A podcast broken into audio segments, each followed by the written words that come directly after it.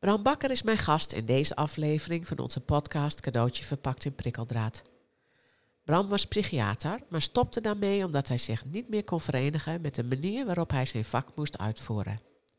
Hij werkte in een zeer geprotocoliseerde wereld en kon daar niet meer mee uit de voeten. Hij werkt nu veel meer vanuit intuïtie en vindt dat zorgverlenen eigenlijk een vorm van kunst is, waarbij bekwaam zijn veel belangrijker is dan bevoegd zijn.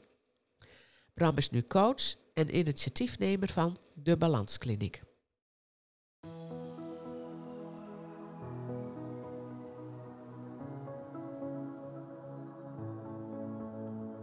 Dit is de podcast Cadeautje verpakt in prikkeldraad met Greet Vonk.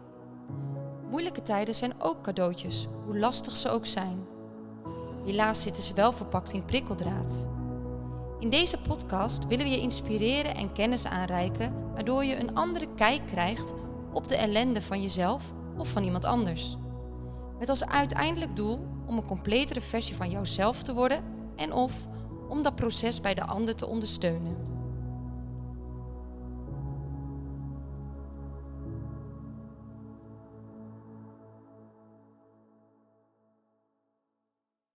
Bram, welkom.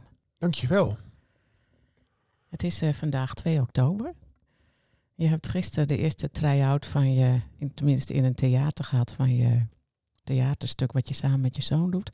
Vorige week is je laatste boek uit een trilogie, Gevoelige Zielen, uitgekomen. Hoe is het met je? Nou, druk hè, is het. De timing is natuurlijk weer uh, op zijn brams, dus te veel tegelijk. Um, en nu ga ik, uh, ga ik de komende maanden minstens een jaar ga ik niet van dit soort grote projecten optuigen, heb ik me voorgenomen. Dus als het goed is, heb ik geen nieuwe theaterdingen ondernomen en zijn er geen nieuwe boeken verschenen als we een jaar verder zijn.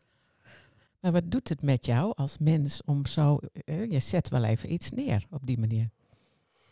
Ja, ik was eigenlijk, dat boek dat moest eruit, dat drong zich op. En, en dat oud zeerboek van een jaar geleden, dat riep heel veel op bij lezers en, reacties en ook bij mij. Dus dat heeft, dat heeft mijn leven ook wel een beetje veranderd. En toen dacht ik, ja, nu moet, moet ik als uh, sluitstuk moet ik inzoomen op die professionele gedaante die wij ons aanmeten, waar ook, waar ook het oud zeer in verborgen zit. Dus ik ben overtuigd dat, dat iedereen oud zeer heeft en dat is op zich ook helemaal geen probleem. Maar wij, uh, wij gaan als professional eigenlijk heel geraffineerd doen alsof we geen oud zeer hebben door in een professioneel rolletje te duiken, een gedaante aan te nemen waarin we, ja, waarin we onszelf eigenlijk verstoppen. In ieder geval, psychiaters doen dat heel erg. Die worden er zelfs expliciet in opgeleid. Ik dacht, daar, daar moet ook nog een boek over. Dus ik ging eigenlijk gelijk weer verder schrijven. Ja, want je hebt eigenlijk een soort van nou, trilogie uh, geschreven. Hè? Het begint met gevoelsarm, dan oud zeer en dan gevoelige zielen. En dan neem je ons mee eigenlijk in enerzijds dat je een heel andere uh, manier van werken voor jezelf ontwikkelt. En anderzijds dat je ook persoonlijk enorm verandert. Ja, kijk, die drie boeken. Ik, ik vind dat leuk om dat trilogie te noemen. En die boeken hebben dezelfde look en feel. Dus, en, en die hebben zeker onderlinge samenhang, maar die, die staan op zich. En toen ik begon met die drie boeken, toen, was het natuurlijk niet van plan. En dat eerste boek, Gevoelsarm, gaat eigenlijk, dat blikt eigenlijk terug. Dat schreef ik het jaar dat ik voor het laatst psychiater was. Dus ik blikte terug op hoe dat, hoe dat was geweest. En daar zit nog best veel kritiek in. Ik heb geprobeerd dat allemaal wat milder neer te schrijven, omdat ik hopelijk ook wat milder ben dan tien jaar geleden, toen ik overal hard tegenaan schopte. Maar dat boek blikt eigenlijk terug.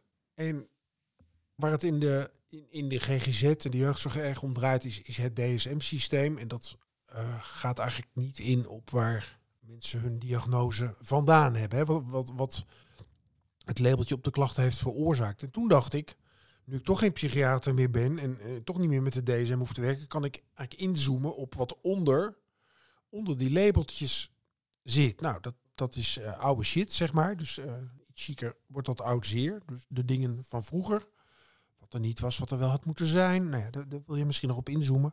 Um, de grote trauma's. En nou ja, dat, is, dat was wel een bevrijdend boek. En dat, dat was eigenlijk bijna uh, mezelf vrij baan geven. Dus dat werd al een veel losser en minder kritisch boek. Er staan nog her en der wat kritische noten over hoe, hoe wij omgaan met, eh, met onze emoties. Ik ben ondertussen ook nog bezig met een platform balanskliniek waarbij ik dacht mensen die op een andere manier werken, die, die moeten te vinden zijn. En ja, toen kwam ik in mijn eigen zoektocht bij van we, hebben nog iets op te helderen over die professional. Dus toen moest er nog een boek. En ik denk, als, ik, als ik het zo zeg, dat dat zich ook meer op de toekomst richt. Ook meer op hoe ik denk dat het zou moeten. Dat je jezelf erin gooit. Hè, dus we bespreken het probleem van de mensen die onze hulp inroepen. Maar we zijn niet te beroerd om, vanuit eigen ervaring daarop te reflecteren. En, en mensen te ondersteunen met onze eigen ervaringen. Ja, want het is een enorme verandering eigenlijk. Hè? Wat ik in die boek eh, las, zo van hij was ja, eigenlijk onderdeel van een zeer geprotocoliseerde wereld. Ja. En uiteindelijk, dat vond ik heel leuk en daar wil ik straks dieper op in. Ben je nu bezig in een wereld waar ook bijvoorbeeld zoiets als intuïtie een hele grote plek heeft? Ja, het, het rare is ook, en ik moet niet in de valkuil trappen dat ik weer heel kritisch ga doen, maar ja, het, het is allemaal mijn grote held Johan Cruijff. Je gaat het pas zien als je door hebt. En, en we hebben in de organisatie van de zorg, zijn we gewoon de natuurlijke volgorde van dingen vergeten. Dus we zijn voelende, intuïtieve beestjes, die heel erg lijken op alle andere zoogdieren. En dan hebben we een beetje verstand. En het is fijn dat we dat hebben. Maar dat is de volgorde.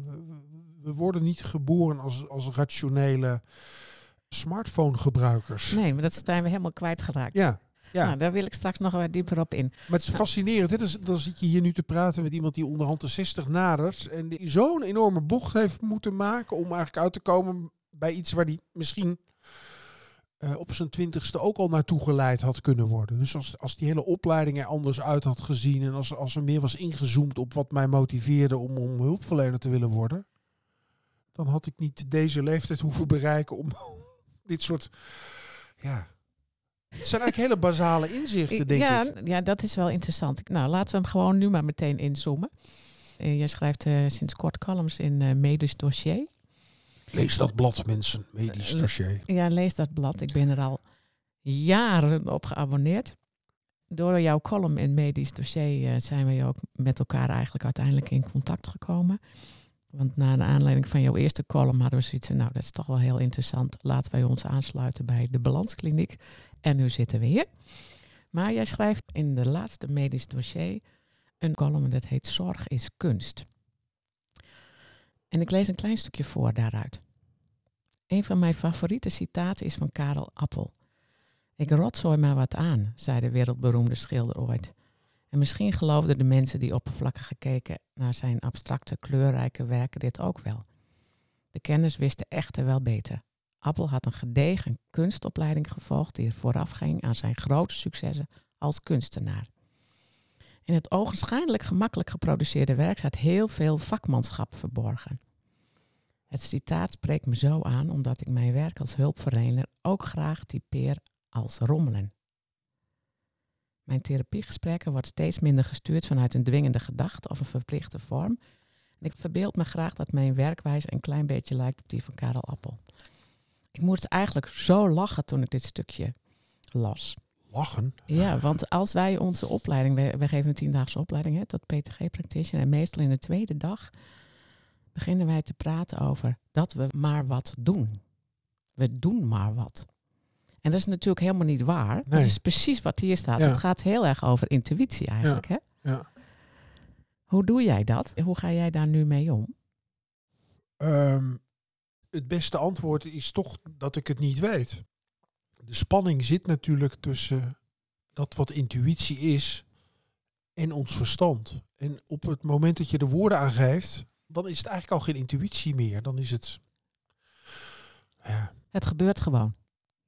Nou, het leuke is als je intuïtie leidend laat zijn, dan kan je er na de hand nog wel iets over verzinnen. Dus dan kan je achteraf wel bedenken waarom je deed wat je deed, waarom je zei wat je zei. En ja, wij noemen dat dan altijd, dat is mijn collega Anja Jonkind, ik hoor het daar heel vaak zeggen. Het gaat over nadenken.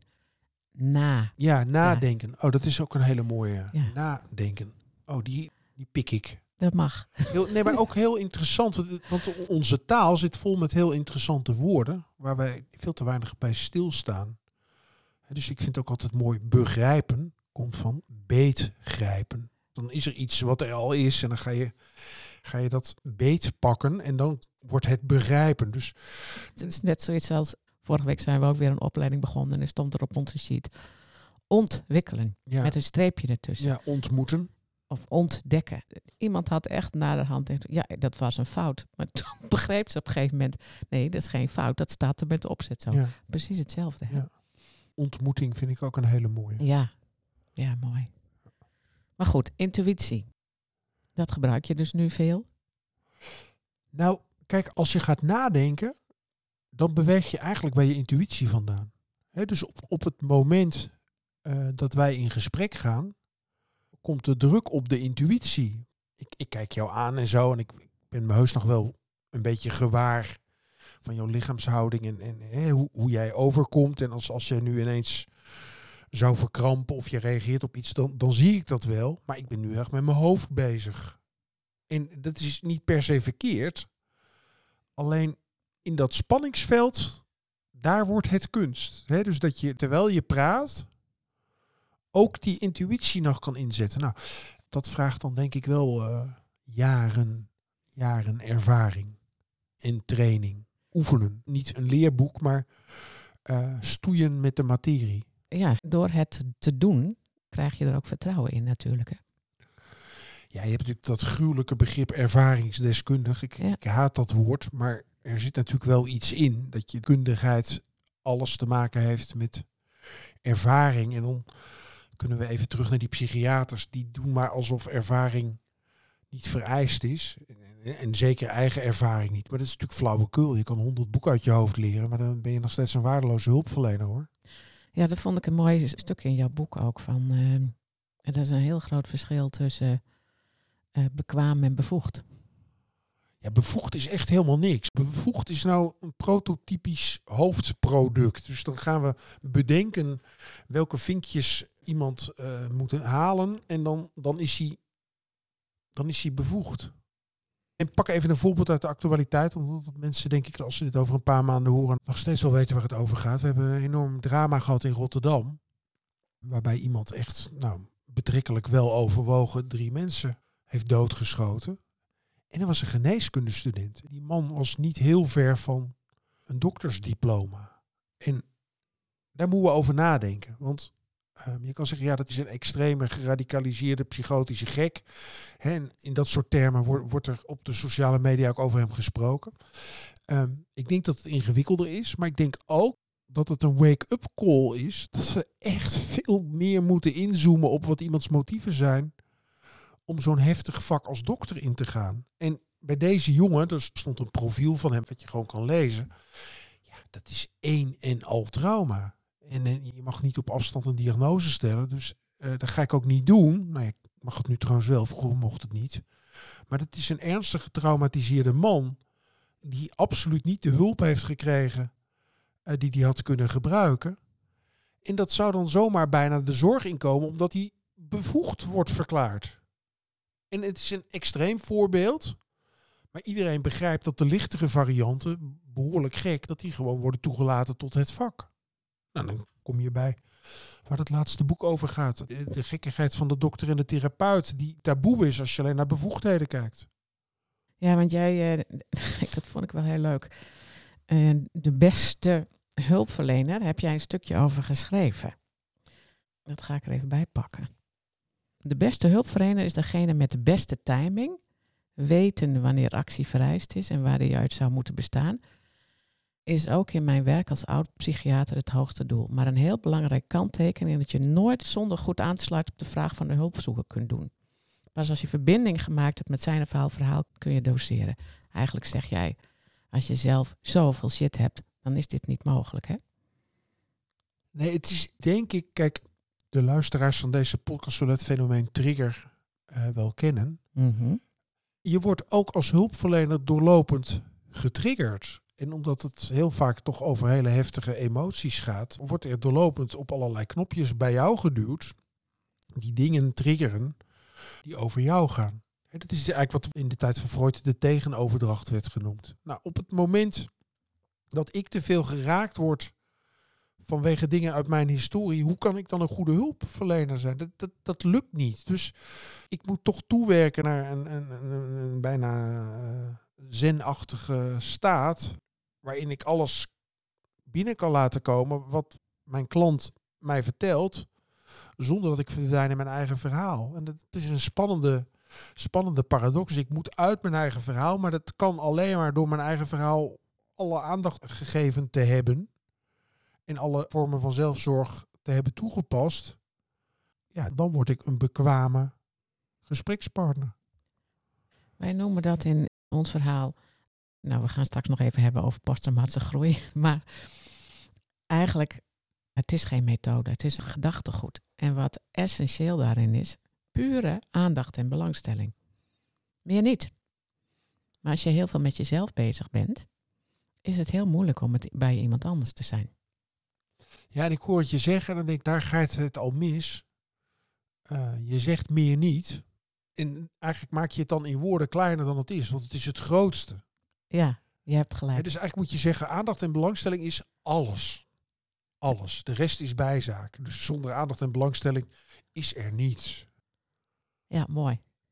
Fascinerend, hè? En ik doe het ook, hè? Dus, Meer eh, niet, maar je hebt gelijk. Het lijkt zo simpel en dat is het niet.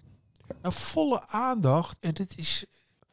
Ik had een jongen, ik denk dat hij het wel goed vindt als ik dat vertel. En die is een jonge jongen en die komt bij mij voor een oud zeergesprek. 19 jaar. Ik denk, goh, dat is bijzonder dat hij al zich realiseert dat hij oud zeer heeft. En dat het gesprek loopt niet echt.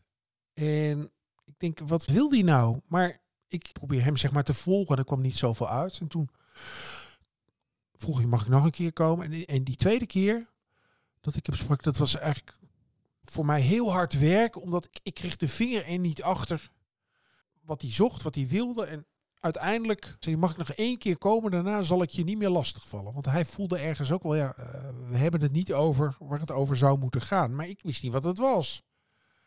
Dus ik zag hem vorige week voor een derde keer en ik probeerde echt, ik zat echt heel erg mijn best te doen om bij hem te blijven.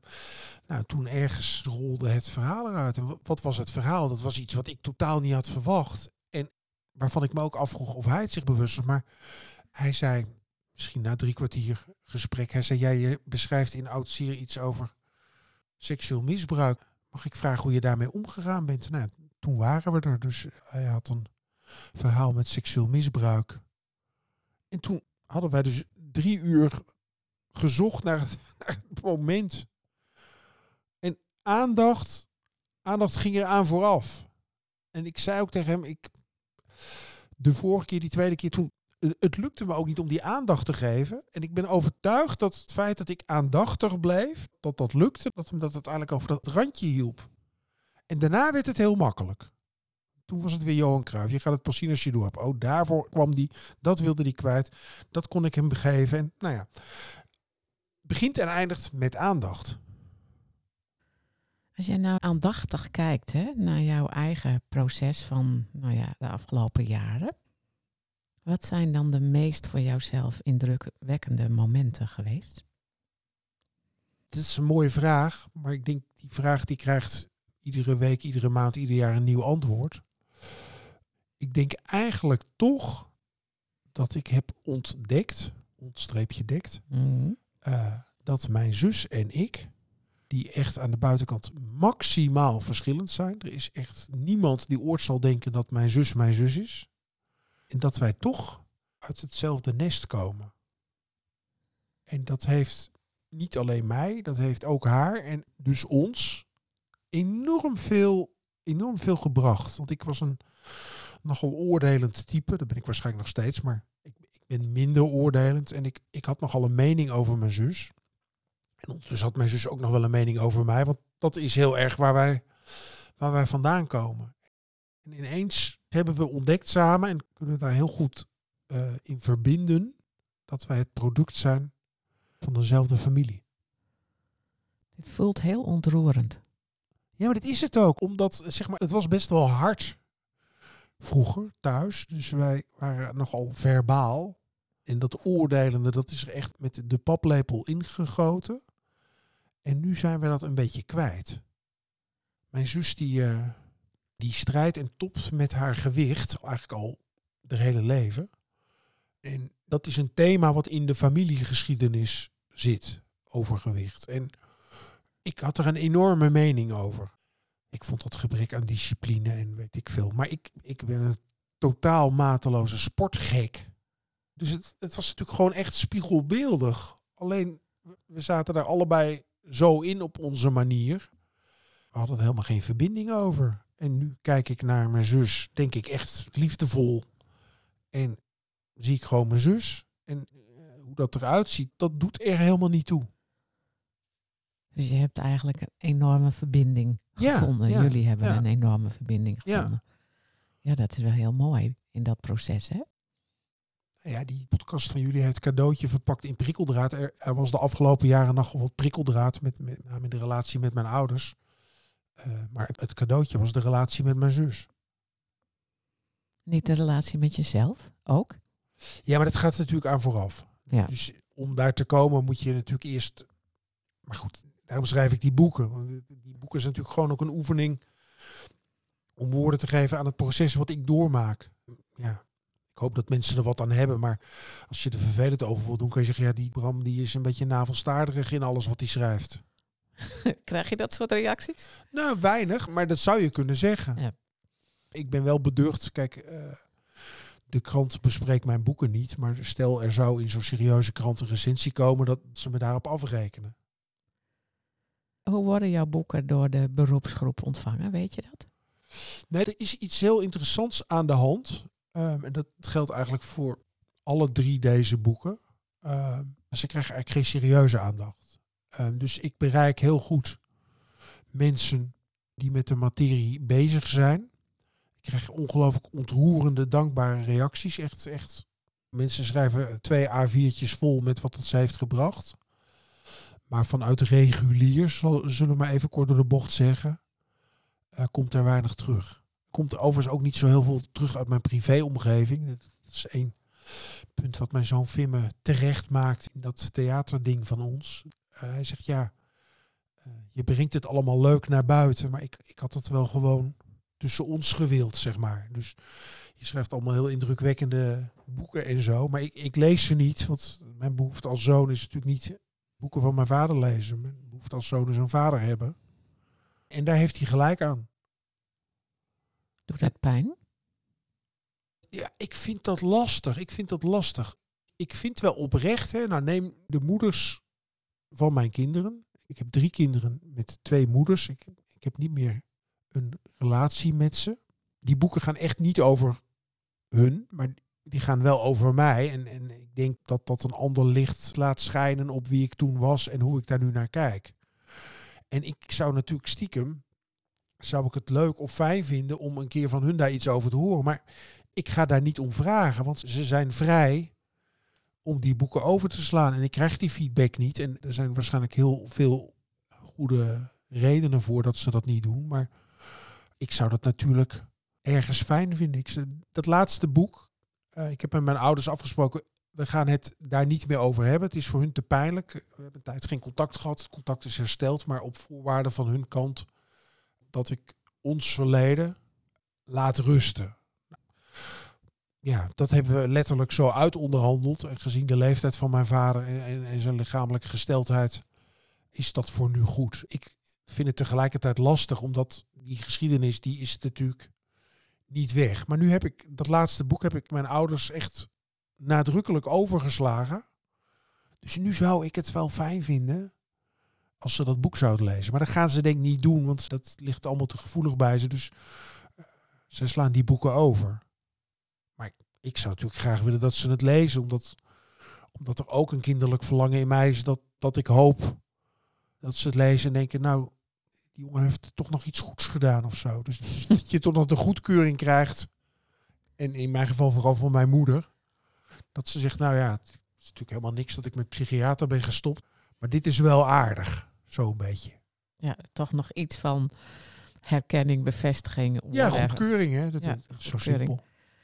Ja, dat vond ik wel een interessant stukje. Op een gegeven moment schrijf jij ergens van, eh, als je dus dingen niet gehad hebt in je verleden, komt het nooit meer goed. Nou zeg ik het een beetje te zwart-wit, maar dat gat kun je nooit meer vullen. En dat vond ik interessant, want wij hebben het in ons verhaal altijd over, ja, je kunt uiteindelijk de wortels van je verleden doorknippen of doorhakken en zelf nieuwe wortels vormen. Hoe kijk je daar tegenaan? Nou, ik ben wel oprecht optimistisch over het vermogen wat wij hebben om die oude ellende aan te kijken en, en, op te ruimen en herstelwerkzaamheden in te zetten. En in, in dat opzicht vind ik het wel echt bijzondere beestjes, die mensen. Dat wij enorm veerkrachtig zijn. Dat we natuurlijk gewoon ons verschrikkelijk goed kunnen aanpassen aan de omstandigheden. Daarom, daarom overleven we tot nu toe ook alle natuurrampen. Dat we ze zelf veroorzaken. Maar goed, um, mensen hebben tot nu toe heel veel overleefd. Terwijl de historie van de aardbol is natuurlijk dat er heel veel diersoorten zijn gekomen en weer zijn gegaan. Dus daar moeten we maar blij om zijn dat we dat kunnen. En, daarom is er ook nog hoop dat we iets met die CO2 en die, en die ijskappen die zijn weggesmolten, dat we, dat we dat kunnen keren. Dat is een menselijk talent. En dat dat menselijk talent begint en eindigt natuurlijk bij je eigen historie kunnen bewerken. En niet stuk te gaan aan traumatische ervaringen vroeger, maar daar toch nog een gedaante voor vinden. En niet iedereen redt dat, maar ik, ben overtuigd, in die zin ben ik echt een optimist, dat iedereen dat in aanleg kan. Daarom was ik vroeger ook altijd heel erg tegen zelfmoord. Ik noemde het ook nadrukkelijk zelfmoord. Ehm, daar ben ik anders over gaan denken. Maar de ideële gedachte dat je mensen zou kunnen helpen om die beslissing niet te hoeven nemen, die drijft mij nog steeds. Ja, want dat schrijf je ook. Hè? De kracht die in ons huist om met tegenslagen om te gaan, is eigenlijk heel groot.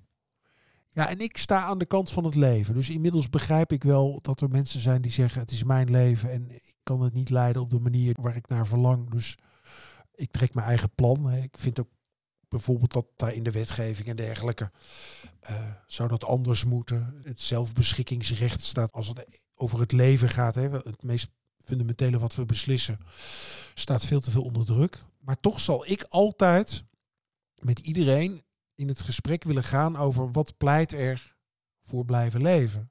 En ik ben overtuigd, en dat is misschien een beetje spirituele prietpraat, maar dat moet dan maar, uh, dat de impact van eruit stappen op de mensen om jou heen, en zeker op volgende generaties als die er zijn, dat die niet lekker is. Dus dat je daar, nou ja, je, je, moet je wel realiseren wat je doet. En het, zijn ook hele platte statistieken. Als ik mijzelf het leven beneem, dan vergroot ik daarmee de kans voor mijn kinderen en kleinkinderen, als die er komen, dat die ook die weg gaan. Nou, ik, ik wil dat niet op mijn geweten hebben. En ik snap dus heel goed dat er mensen zijn die niet anders kunnen.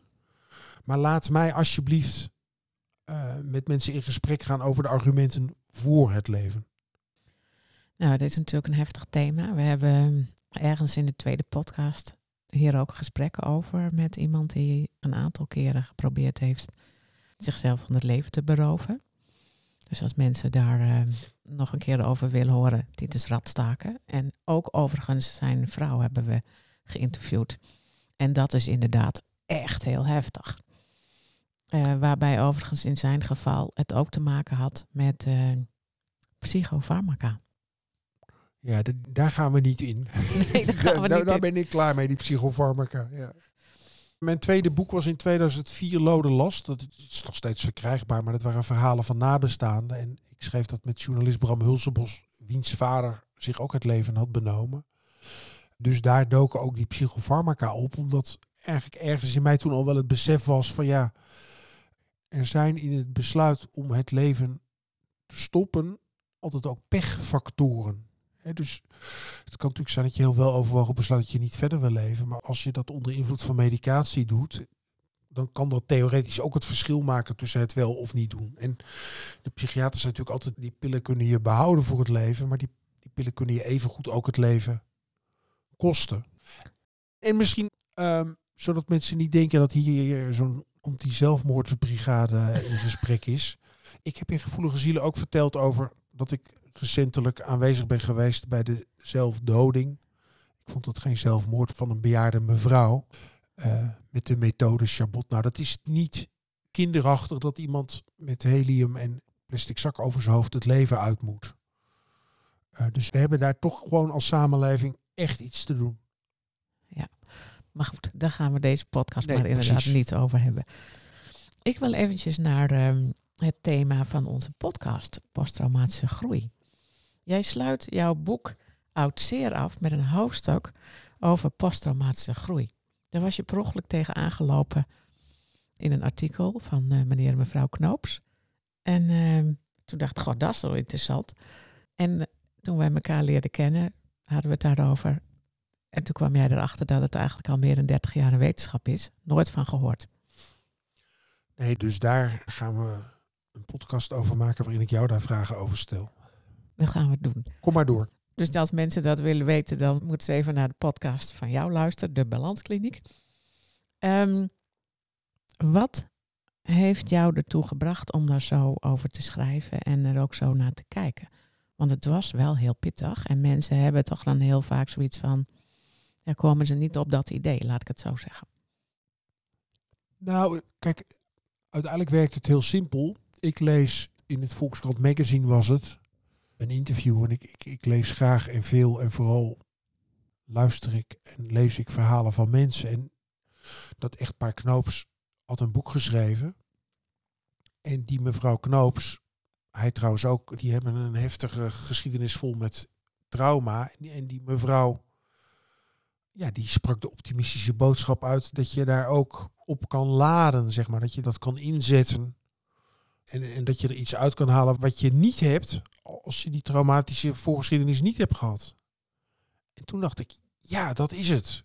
En ik, ik was dat oud zierboek aan het schrijven. Toen dacht ik, daar moet ik ook wat over schrijven. En toen herinner me ook nog dat ik dacht, hè, je PTSS, dat kent ondertussen iedere Nederlander. Dan moeten we hier ook een afkorting voor verzinnen, PTGP. En dan heb- heb je last van PTGP, Post-Traumatic Growth Potential. Dus ehm, die Dat mevrouw Knoops die zette bij mij iets open. En tegelijkertijd dacht ik toen ook van, oh, dat is mooi. En het is natuurlijk ook wat Nietzsche al zei. What doesn't kill you makes you stronger. En dat is ook wel weer de mens, hè? waar wij niet kapot aan gaan. Daar leren wij iets van. Ja, nou daar zijn wij het over eens. Zonder dat overigens te romantiseren, want dat gebeurt heel vaak. Hè? Ook, eh, je moet groeien als je ellende hebt. En het is fijn om te groeien van ellende. Nou, dat is het zeker niet. Ja, rotten youth is a writer's goldmine. Hè? Die one-liner ook. Dat je maar blij moet zijn met je ellendige jeugd. Want daar kan je dan mooie boeken over schrijven. Ja, nou nee dus. Maar wat ik interessant vind is, er zijn ook heel veel mensen die haken aan op dat fenomeen. Afgelopen weekend ook stond er weer een artikel in eh, Vrij Nederland. Eigenlijk zo van, ja, moeten wij nou eigenlijk altijd groeien van ellende? Dus mensen hebben ook de neiging om zich er tegen af te zetten. Ik ben altijd wel heel benieuwd waar dat vandaan komt. Ik heb wel een idee, maar als ik jou die vraag stel, hè, mensen hebben dan zo van, nou ja, waarom moeten we altijd groeien van ellende? Hoe kijk jij daarna als professional? Nou ja, ik denk dat dit echt een natuurwet is. Een basale drive die alle mensen bindt. Namelijk moeten groeien. En waarom, dat, dat weten de meesten niet. En de meesten hoeven daar ook niet over na te denken. Maar ik denk dat de mensen die, die er wel over nagedacht hebben... vrij unaniem zullen vaststellen dat er een drive in de mens zit... naar meer, beter, en noem maar op. Dus het is een beetje flauw, maar het is natuurlijk survival of the fittest. Het leven. En dat betekent dat je alles, alles wat er op jouw weg komt, aangrijpt om verder te komen. En wel belangrijk, dat zijn natuurlijk de mooie gebeurtenissen. Eh, De man of vrouw van je dromen, eh, je kind, je kleinkind, je werk. Nou, dat vindt iedereen oké. Maar er is geen principieel onderscheid eh, met belastende gebeurtenissen. Want daar hebben we ons ook toe te verhouden. Mijn vriendin Marieke Gielen, maagdarm-leverarts, die heeft de beste one-liner, maar dat, dat mag zij ook als gastroenteroloog. Die zegt, eh, de shit van je verleden is de mest voor je toekomst. Volgens mij is dat het. Ja, nou, dat denk ik ook, zonder dat te, nou wat ik net al zei, romantiseren. Want Nee, we moeten het absoluut niet romantiseren. Tegelijkertijd moeten we proberen het, het ook wel gewoon oordeelloos te aanschouwen. Als iets van, nou ja, dat is nu eenmaal zo. Dat dat kan. Kijk, als iets stinkt, dan heeft het daarmee al gelijk weer een functie. Want dan kan je jezelf de vraag stellen, waarom vind ik het nou eigenlijk stinken? En hoe zorg ik dat die stank minder wordt? Of hoe beweeg ik er vandaan om, om van die lucht af te komen? Dus in de basis heel droog en feitelijk op ons levenspad komen we dingen tegen. Evenveel netto leuk als niet leuk. En dat is het. En ja, we kunnen er een hele hoop theorie overheen gooien. We kunnen er over ouwe tot een ons wegen. Maar dat is wat het is. Precies. Als ik even naar jouw eh, verhaal kijk, kun jij nog een moment herinneren dat je echt dacht van, ah, nu ben ik serieus, eh, dat je zo'n bewustwording kreeg van dat je gegroeid was van al de ellende van de afgelopen tijd. Komt nu ook weer een beetje moralistische tekst, maar het moet maar. Ik, ik denk eigenlijk dat ik zo mijn eigen groei weer spiegeld zie in de relatie met mijn, eh, met mijn kinderen. En eh, dus dat ik ze anders ontmoet dan eerder. Dat komt natuurlijk ook omdat zij ouder worden. En dat is eigenlijk ook de mooiste en eh, belangrijkste beloning voor het werk wat ik aan mezelf doe. Dat is niet hoeveel boeken ik verkoop. Dat, dit is hoe ik me verhoud tot mijn kinderen. En mijn oudste zoon heeft daar dus terecht, wat, wat ik al zei, iets bij van waarom moet dat in een boek? Kan ik dat gewoon in het hier en nu, als wij met z'n tweeën zijn, krijgen? Ehm, hij is 28 en heeft veel meer niet gehad dan zijn jongere broer en zus die 8 en 10 jaar jonger zijn. Dus ik ben misschien de relatie met mijn oudste zoon nog het meest aan het inlopen. Mijn dochter en jongste zoon, die zijn volgens mij helemaal niet bezig met wat ik doe. Maar in het contact met ze maakt dat ook niet uit. En, en ik denk dat ik vroeger in mijn zucht naar aandacht eh, tegen mijn kinderen zei: Kijk eens, papa's op tv en zo. Nu, we slaan het nu allemaal over. Wat ik in het publieke domein uitvreet, dat interesseert ze niks.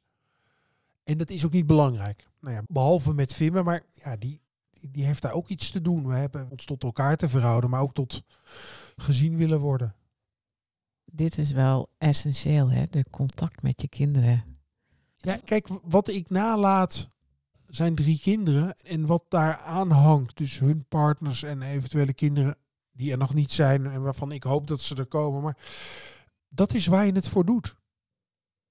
Ik vraag wel eens aan mensen, en dat is echt natuurlijk een gewetensvraag, van wil je als je straks ten graven wordt gedragen dat er 600 mensen om jouw kist staan of dat er zes mensen om je kist staan? En wie zijn die zes mensen en hoe is je relatie met die zes mensen geweest? Of hoe is het met die 600? En dan zegt iedereen nee, die zes natuurlijk. Want iedereen wil dan dat die intimie, dat die er zijn en, en dat je daar goed mee bent.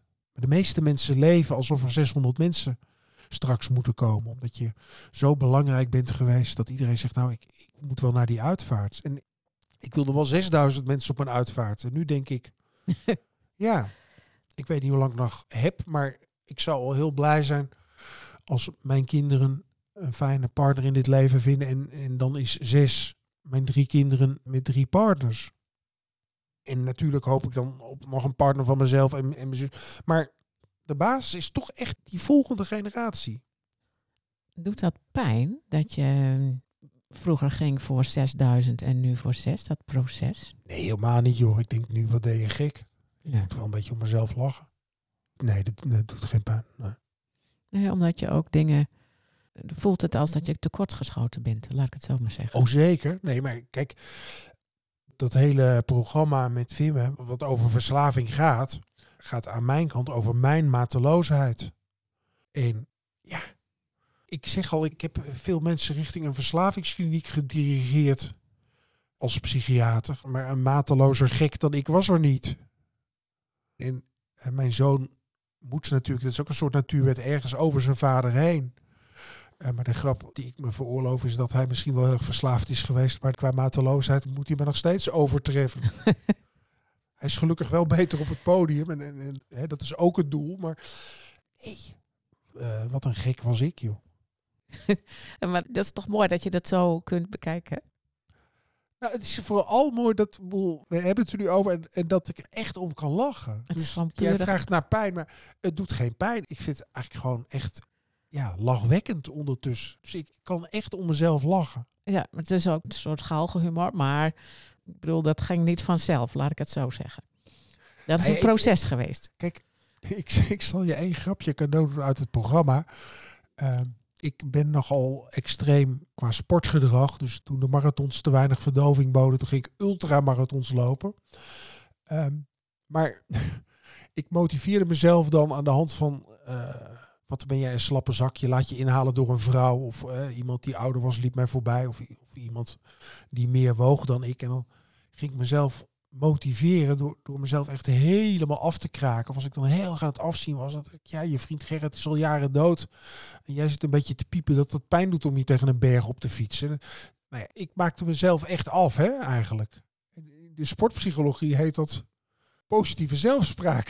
dus dat je, dat je jezelf... Mo maar het is natuurlijk volstrekt weird met wat voor kronkel in je hoofd je dat aan het doen bent. Dus in die sportpsychologische termen kan je het nog steeds positief labelen. Maar hoe treurig is het dat je jezelf moet motiveren aan de hand van nou ja, eigenlijk alleen maar gedachten waarin je jezelf ten diepste afwijst. Dat doe je nu helemaal niet meer. Nou, als ik aan het sporten ben, kan ik nog steeds wel, kan ik nog steeds wel heel streng mezelf toespreken. Maar dat is wel aan het afnemen. Ik word ook geholpen door een lichaam wat niet meer zo hard gaat als 30 jaar geleden. Uh, dus dat proces is niet af. Maar in ieder geval kan ik met mildheid naar mijn eigen gekkigheid kijken. Dus ik loop nog steeds marathons. Ik heb ook nog ergens in mijn hoofd toch nog één keer daar in Zuid-Afrika die ene ultramarathon te gaan lopen. Ja, wat heb ik daar te bewijzen? Ik heb dat al lang gedaan, dus waarom wil ik dat? Nou, dat is een verkenning in mijzelf. En, en ik zal wel blijven sporten, omdat het me ook heel veel oplevert. Dus de zoektocht blijft gaande. Ja, ja. Ja, ik denk ook dat we dat altijd doen. Altijd blijven zoeken. Nou, dit is ook een mindset. Dus ik, Ja. ik, ik wil mijn honderdste marathon lopen eh, als ik honderd ben. Dat slaat nergens op, maar dat is wel vanuit de gedachte dat ik het eeuwige leven heb en altijd marathons zal blijven lopen. Dus ik, eh, ik loop in 2163 de marathon van New York, want die is het eerste weekend van november en ik ben eind oktober jarig, dus dan ben ik net 100 en dan loop ik die marathon en dan geef ik daarna een persconferentie waarin ik mijn afscheid van de wedstrijdsport aankondig. Nou, dit is toch een, een grappig idee. Ja, maar ik denk wel. maar dat ik leef, ik leef zo wel. Maar het werkt ook, hè? Ja, nee, Ja. dat denk ik ook. Hoop doet leven. En dit soort dingen werkt ook. Ja. Je kunt veel meer bereiken vaak dan je Ja. zou denken. Zullen we daarmee afsluiten, Bram? Ja, het lijkt mij goed. Ja. Is er nog iets wat jij nog graag zou willen delen? Nee, nou, ik- als we zitten te praten, denk ik, ik hoop echt dat de afdronk is. ehm besteed aandacht aan jezelf. Geef jezelf de liefde en warmte en zorg die je verdient. En dat verdient ieder mens. En dan heb je daar vroeger weinig van gehad. Doe het dan nog meer. Maar ook neem jezelf niet al te serieus. Want in de geschiedenis van de mensheid zijn we natuurlijk een voorbijvliegend spatje energie. En moeten we onszelf echt niet groter maken dan we zijn. Dankjewel. Jij ook bedankt. Dankjewel voor het luisteren naar deze cadeautje verpakt in prikkeldraad podcast. We willen nog graag een paar belangrijke dingen met je delen. Als je enthousiast bent over deze podcast, dan zijn we blij met een review. Daarmee help je ons bij onze missie. Je kunt de podcast natuurlijk ook doorsturen aan mensen van wie jij denkt dat ze er ook iets aan hebben. Wil jij voortaan alle nieuwe podcastafleveringen overzichtelijk op een rijtje? Abonneer je dan op deze podcast. Heb je vragen of ideeën voor deze podcast? We horen het graag. Je kunt een mail sturen naar info@sterkerdoorellende.nl of Greet Vonk een bericht sturen op LinkedIn. Zoveel mensen kunnen profiteren van een andere kijk op ellende. Het is daarom onze missie om PTG bekender te laten worden dan PTSS. Wil jij meer weten over PTG of bijdragen aan onze missie? Je kunt op onze website www.sterkerdoorellende.nl onze boeken bekijken en eventueel kopen, de e-learning bekijken, een gratis inspiratiesessie volgen, de PTG-vragenlijst invullen, workshops en opleidingen boeken. We hopen dat deze podcast jou heeft geïnspireerd, zodat je in tijden van ellende in jouw leven of werk kiest voor het positieve en hoopvolle gedachtegoed van PTG. Voor jouzelf, je familielid, je vriend, vriendin, collega, klant, voor wie dan ook. Tot de volgende keer.